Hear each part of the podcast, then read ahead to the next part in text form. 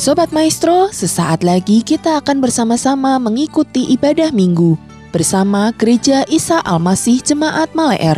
Anda dapat mendengarkan siarannya di Maestro Radio Bandung YouTube channel. Selamat mendengarkan.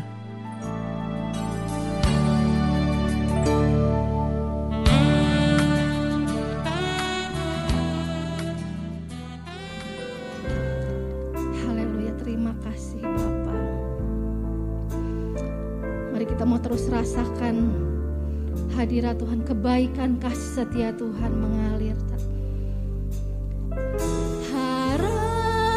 Harapanku dalam Yesus tak akan pernah sia-sia.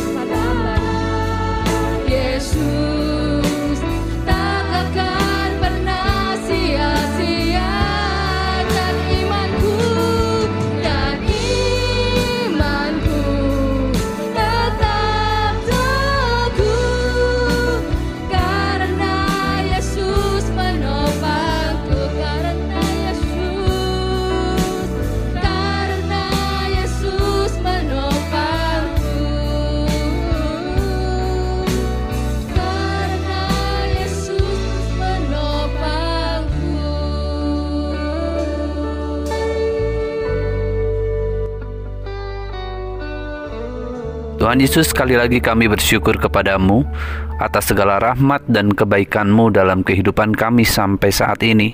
Kami pun bersyukur kalau hari ini kami masih boleh beribadah dan menikmati kehadiranmu dalam setiap batin kami. Kalau kami sebentar akan mendengarkan firman-Mu, kami berdoa minta tolong Tuhan memberkati kami selama kami belajar kebenaran firman-Mu.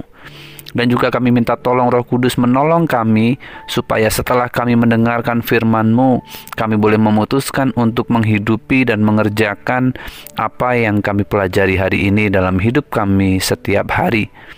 Tuhan kami menyerahkan waktu-waktu ke depan ke dalam tangan-Mu dan hanya untuk Tuhanlah seluruh kemuliaan dan hanya di dalam nama Tuhan Yesus kami berdoa dan kami mengucap syukur.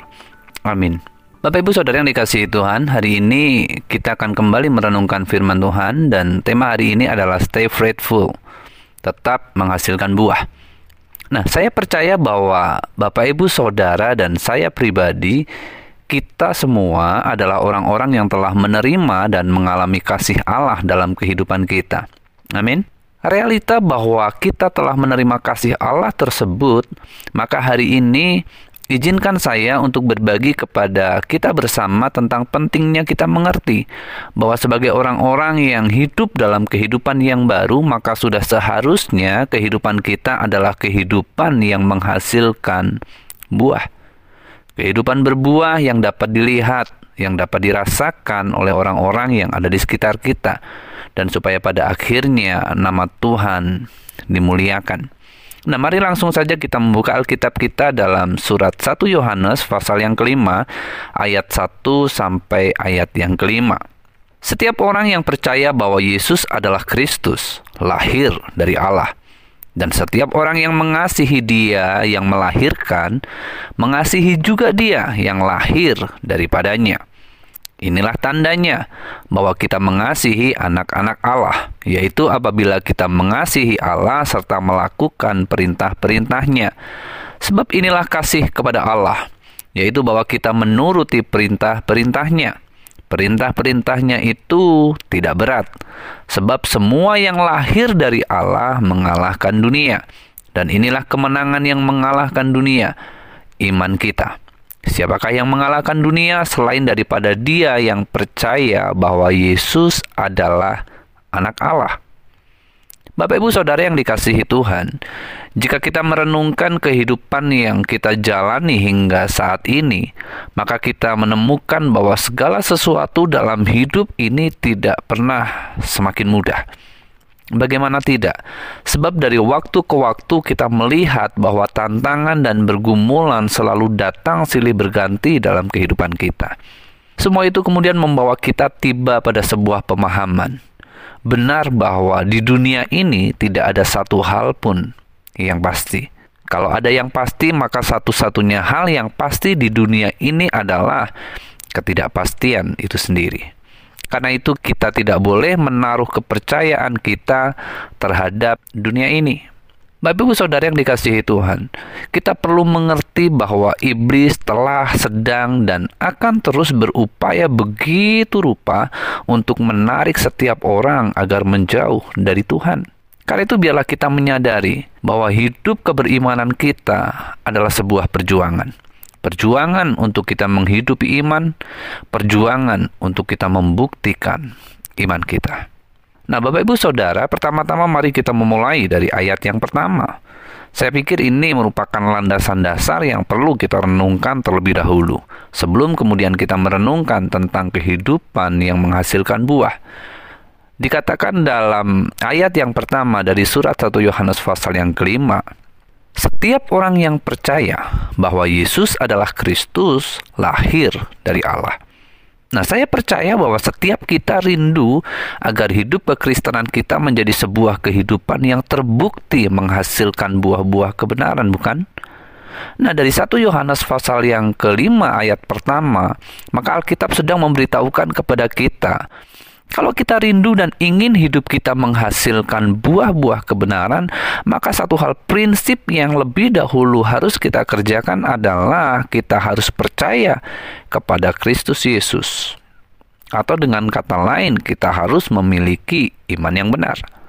Bapak Ibu Saudara yang dikasihi Tuhan, ketika dikatakan bahwa kita perlu lebih dahulu percaya kepada Kristus, mungkin kita berkata bahwa kita sudah beriman kepada Kristus. Kita berkata bahwa kita adalah orang-orang yang telah percaya kepada Kristus. Akan tetapi mari sejenak kita kembali memahami apa yang dimaksud dengan kata percaya atau iman itu sendiri. Tahukah Bapak Ibu Saudara bahwa kata percaya di sini bukanlah sekedar percaya? Karena dari kata percaya itu sendiri sesungguhnya memiliki pengertian commit to trust. Komitmen untuk percaya. Artinya kata tersebut menitik beratkan pada kata komitmen. Nah, jadi kalau kemudian Alkitab berkata setiap orang yang percaya bahwa Yesus adalah Kristus, ia lahir dari Allah, berarti Alkitab sementara bilang, setiap orang yang memiliki komitmen untuk percaya bahwa Yesus adalah Kristus, lahir dari Allah, atau bahasa kita hari ini kita menyebutnya dengan istilah lahir baru. Bapak Ibu Saudara, sekarang mari kita kembali kepada perenungan mendasar. Kalau kita berkata bahwa kita adalah orang-orang yang percaya kepada Kristus, maka satu hal yang hari ini perlu kita cross-check ulang adalah percaya kita kepada Yesus adalah percaya yang seperti apa? Apakah kepercayaan kita kepada Yesus Kristus adalah percaya yang di dalamnya ada sebuah komitmen, Sebab hanya dengan mengaku percaya tanpa ada komitmen di dalamnya, maka itu berarti kita belum tiba pada arti iman atau percaya yang sesungguhnya. Bapak Ibu Saudara yang dikasihi Tuhan, satu hal menarik untuk kita renungkan adalah ketika Rasul Yohanes mengatakan setiap orang yang percaya bahwa Yesus adalah Kristus. Dari statement ini seolah-olah ada perbedaan antara Yesus dengan Kristus. Nah, perlu kita ketahui bersama bahwa pada masa-masa itu memang ada ajaran sesat yang mengatakan bahwa Yesus dan Kristus itu berbeda, di mana dikatakan bahwa Yesus adalah manusia, sedangkan Kristus adalah roh. Sehingga kemudian ketika Yesus mati di atas kayu salib, maka yang mati adalah Yesus. Sedangkan Kristus sendiri yang adalah roh, itu kemudian pergi meninggalkan Yesus. Artinya Yesuslah yang mengalami kematian, sementara Kristus sendiri tidak mengalami kematian. Nah, sebenarnya ada maksud terselubung apa di balik ajaran tersebut? Maksud dari ajaran sesat tersebut adalah untuk menolak kebangkitan Yesus. Dan kita tahu bahwa penolakan terhadap kebangkitan Yesus bukan hanya terjadi pada waktu itu saja, sebab sampai hari ini pun masih banyak orang yang menolaknya. Namun bagi kita orang yang percaya, kebangkitan Tuhan Yesus Kristus merupakan pondasi iman kekristenan kita dan kita percaya bahwa kebangkitan Yesus adalah sebuah kebenaran. Karena itu dalam perjalanan hidup keberimanan kita, Rasul Yohanes memberitahukan kepada kita bahwa kita perlu membangun iman kita di atas dasar yang benar, yaitu percaya kepada Tuhan Yesus Kristus. Bukan sekedar percaya, namun percaya di mana di dalamnya disertai dengan komitmen. Supaya apa pun tipu muslihat iblis dan apa pun yang dunia tawarkan kepada kita, kemudian yang terjadi adalah iman kita kepada Kristus itu tidak akan tergoncang dan tidak akan runtuh. Bahkan kita tidak akan menggadaikan iman kita, percaya kita dengan apa pun di dunia ini. Bapak Ibu Saudara yang dikasihi Tuhan, bukankah kita tahu bagaimana murid-murid Yesus hancur hatinya dan begitu berduka karena mereka harus menyaksikan bagaimana Tuhan Yesus mati di kayu salib. Bahkan mereka kemudian kembali kepada pekerjaan mereka yang semula. Namun kebangkitan Yesus, kemudian penampakan Yesus kepada para murid, itu yang kemudian membangkitkan keyakinan, membangkitkan pengharapan mereka kembali Bagaimana itu terjadi? Jawabannya, karena Yesus bangkit. Kebenaran bahwa Yesus telah bangkit yang kemudian menjadi landasan dasar berdirinya gereja atau kumpulan orang-orang percaya pada masa itu. Jika kebangkitan Yesus hanyalah sebuah dongeng dan cerita bohong, bagaimana mungkin gereja atau kumpulan orang percaya tersebut dapat bertahan hingga hari ini, lebih dari 20 abad? Bahkan kita percaya semakin hari gereja semakin bertumbuh dan semakin berkembang. Jika kebangkitan Yesus bukanlah kebenaran, bagaimana mungkin para murid dan orang-orang percaya pada waktu itu begitu gagah berani ketika harus berhadapan dengan aniaya, bahkan mereka rela kehilangan nyawa? Tidak mungkin, bukan? Nah, inilah yang kemudian dikatakan Origenes, Bapak Gereja di abad ketiga.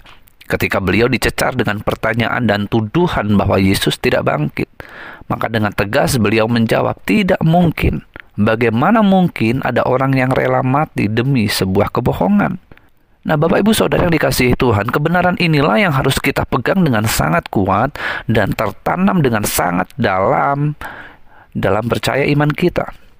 Supaya percaya kita kepada Tuhan bukanlah hanya sekedar percaya, namun sebuah percaya yang penuh dengan komitmen di dalamnya. Dunia akan berusaha, berupaya begitu rupa untuk menarik kita jauh dari Tuhan bahkan agar kita meninggalkan Tuhan. Tetapi iman yang sejati, iman yang percaya, yang disertai dengan komitmen di dalamnya akan membuat kita bukan hanya mampu untuk mempertahankan iman kita, tetapi juga membuat hidup kita kemudian menjadi sebuah kehidupan yang berbuah, sebuah kehidupan yang berdampak dan bermanfaat. Supaya pada akhirnya banyak orang berjumpa dengan Tuhan dan nama Tuhan dimuliakan. Nah, Bapak Ibu Saudara, seperti saya sampaikan di awal, kita tidak boleh berhenti hanya pada titik percaya dan beriman kepada Kristus, tetapi kita juga perlu dan harus mengalami kelahiran baru. Sebab sebagai orang percaya, kita harus menghidupi dan membuktikan iman percaya kita di tengah dunia yang penuh dengan ketidakpastian ini supaya pada akhirnya melalui komitmen percaya kita dan cara kita jalani hidup, maka ada banyak orang yang kemudian boleh merasakan kasih Tuhan dan memuliakan Tuhan. Nah, kalau kemudian kita ingin hidup kita terbukti sebagai sebuah kehidupan yang berbuah, maka yang kemudian perlu kita pikirkan dan renungkan adalah apakah tanda atau bukti bahwa kehidupan kita menghasilkan buah. Nah, tanda yang pertama adalah kasih. Kasih yang saya maksudkan di sini adalah mengasihi Allah dan mengasihi saudara seiman. Bukankah dalam ayat yang pertama tadi dikatakan begini, setiap orang yang percaya bahwa Yesus adalah Kristus lahir dari Allah dan setiap orang yang mengasihi Dia yang melahirkan, mengasihi juga Dia yang lahir daripadanya. Kasih kepada Allah dan kasih kepada sesama adalah dua hal yang tidak terpisahkan. Kasih kepada Allah dan sesama haruslah kita kerjakan bersama-sama. Jika benar bahwa kita adalah orang percaya dan telah lahir baru, maka kita akan mempunyai keinginan, hasrat, gairah, kesadaran untuk selalu mengasihi Allah dan mengasihi sesama kita. Pertanyaannya mungkin begini, kenapa berulang-ulang Yohanes mengingatkan kita untuk mengasihi saudara kita, untuk mengasihi sesama kita?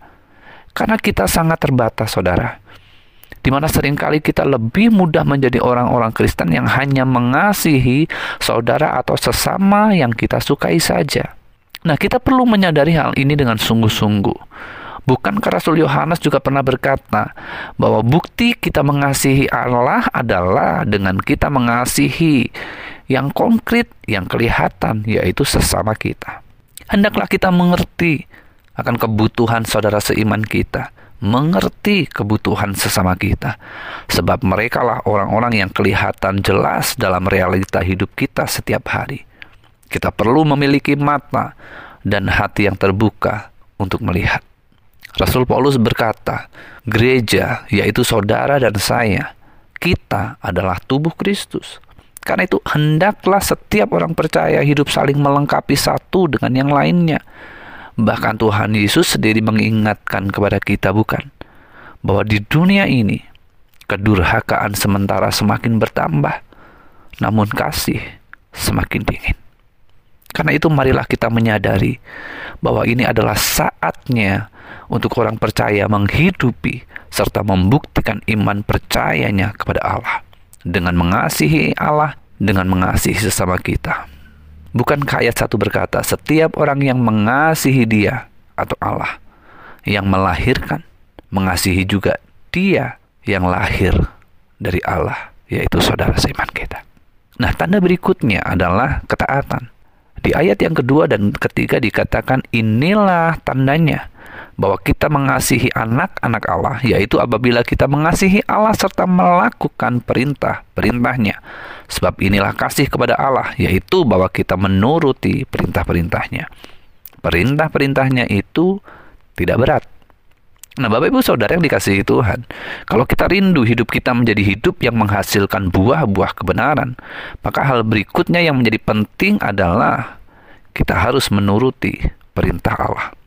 Bahkan dikatakan perintahnya itu tidak berat. Pertanyaannya, sejauh mana kita mengasihi Tuhan? Jawabannya adalah dari sejauh mana ketaatan kita pada perintahnya. Sejauh mana kita hidup menuruti perintahnya. Jika kita sungguh-sungguh percaya kepada Tuhan dengan komitmen dan sadar bahwa kita telah lahir baru, maka seharusnya kita menjadi orang yang sangat taat namun ketaatan kita mengerjakan perintah Tuhan bukanlah karena legalistik, namun karena didrive oleh kasih kita kepada Allah. Didrive oleh sebuah kesadaran bahwa Allah terlebih dahulu mengasihi kita. Rasul Paulus berkata dalam Kolose pasal 3 ayat 23, Apa pun juga yang kamu perbuat, perbuatlah dengan segenap hatimu seperti untuk Tuhan dan bukan untuk manusia. Bapak Ibu Saudara, Orang Farisi begitu ketat menjalankan perintah Allah, namun mereka menjalankannya bukan karena mereka mengasihi Allah. Mereka menjalankannya hanya karena legalistik semata-mata. Bahkan mereka menjadikan perintah Allah sebagai kuk yang kemudian memberatkan orang lain untuk mengerjakannya. Karena mengasihi Tuhan, sehingga kita tidak akan merasa berat untuk melakukan perintahnya. Kita akan menjalankannya dengan sukacita. Bapak kita memberi perintah dan kita melakukannya dengan setia. Saya percaya Bapak Ibu Saudara bahwa ketika kita hidup mengerjakan kasih, ketika kita hidup di dalam ketaatan terhadap perintah Allah, maka kemudian yang akan terjadi adalah apa yang tertulis dalam ayat-ayat yang terakhir. Ketika dikatakan begini, sebab semua yang lahir dari Allah mengalahkan dunia. Dan inilah kemenangan yang mengalahkan dunia, iman kita. Siapakah yang mengalahkan dunia selain daripada Dia yang percaya bahwa Yesus adalah Anak Allah? Amin.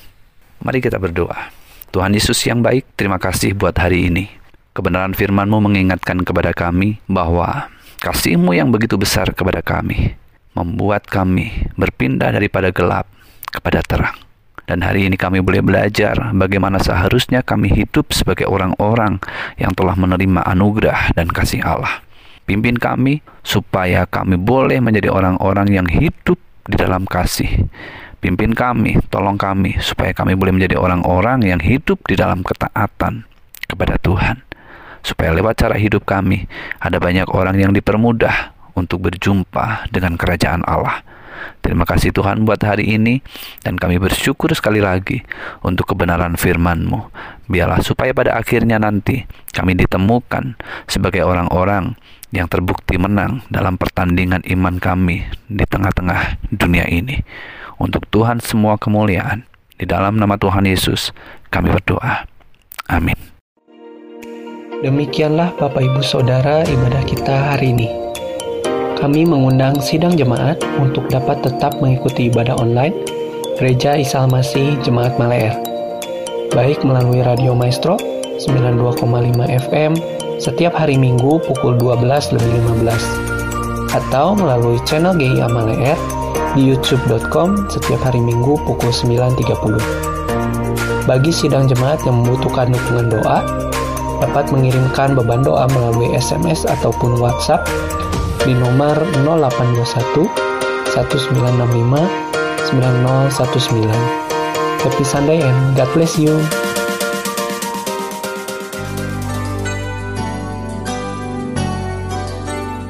Sobat Maestro, Anda baru saja mendengarkan ibadah minggu bersama Gereja Isa Almasi Jemaat Maleer.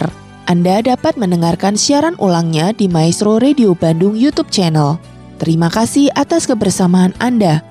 Selamat hari Minggu dan Tuhan memberkati.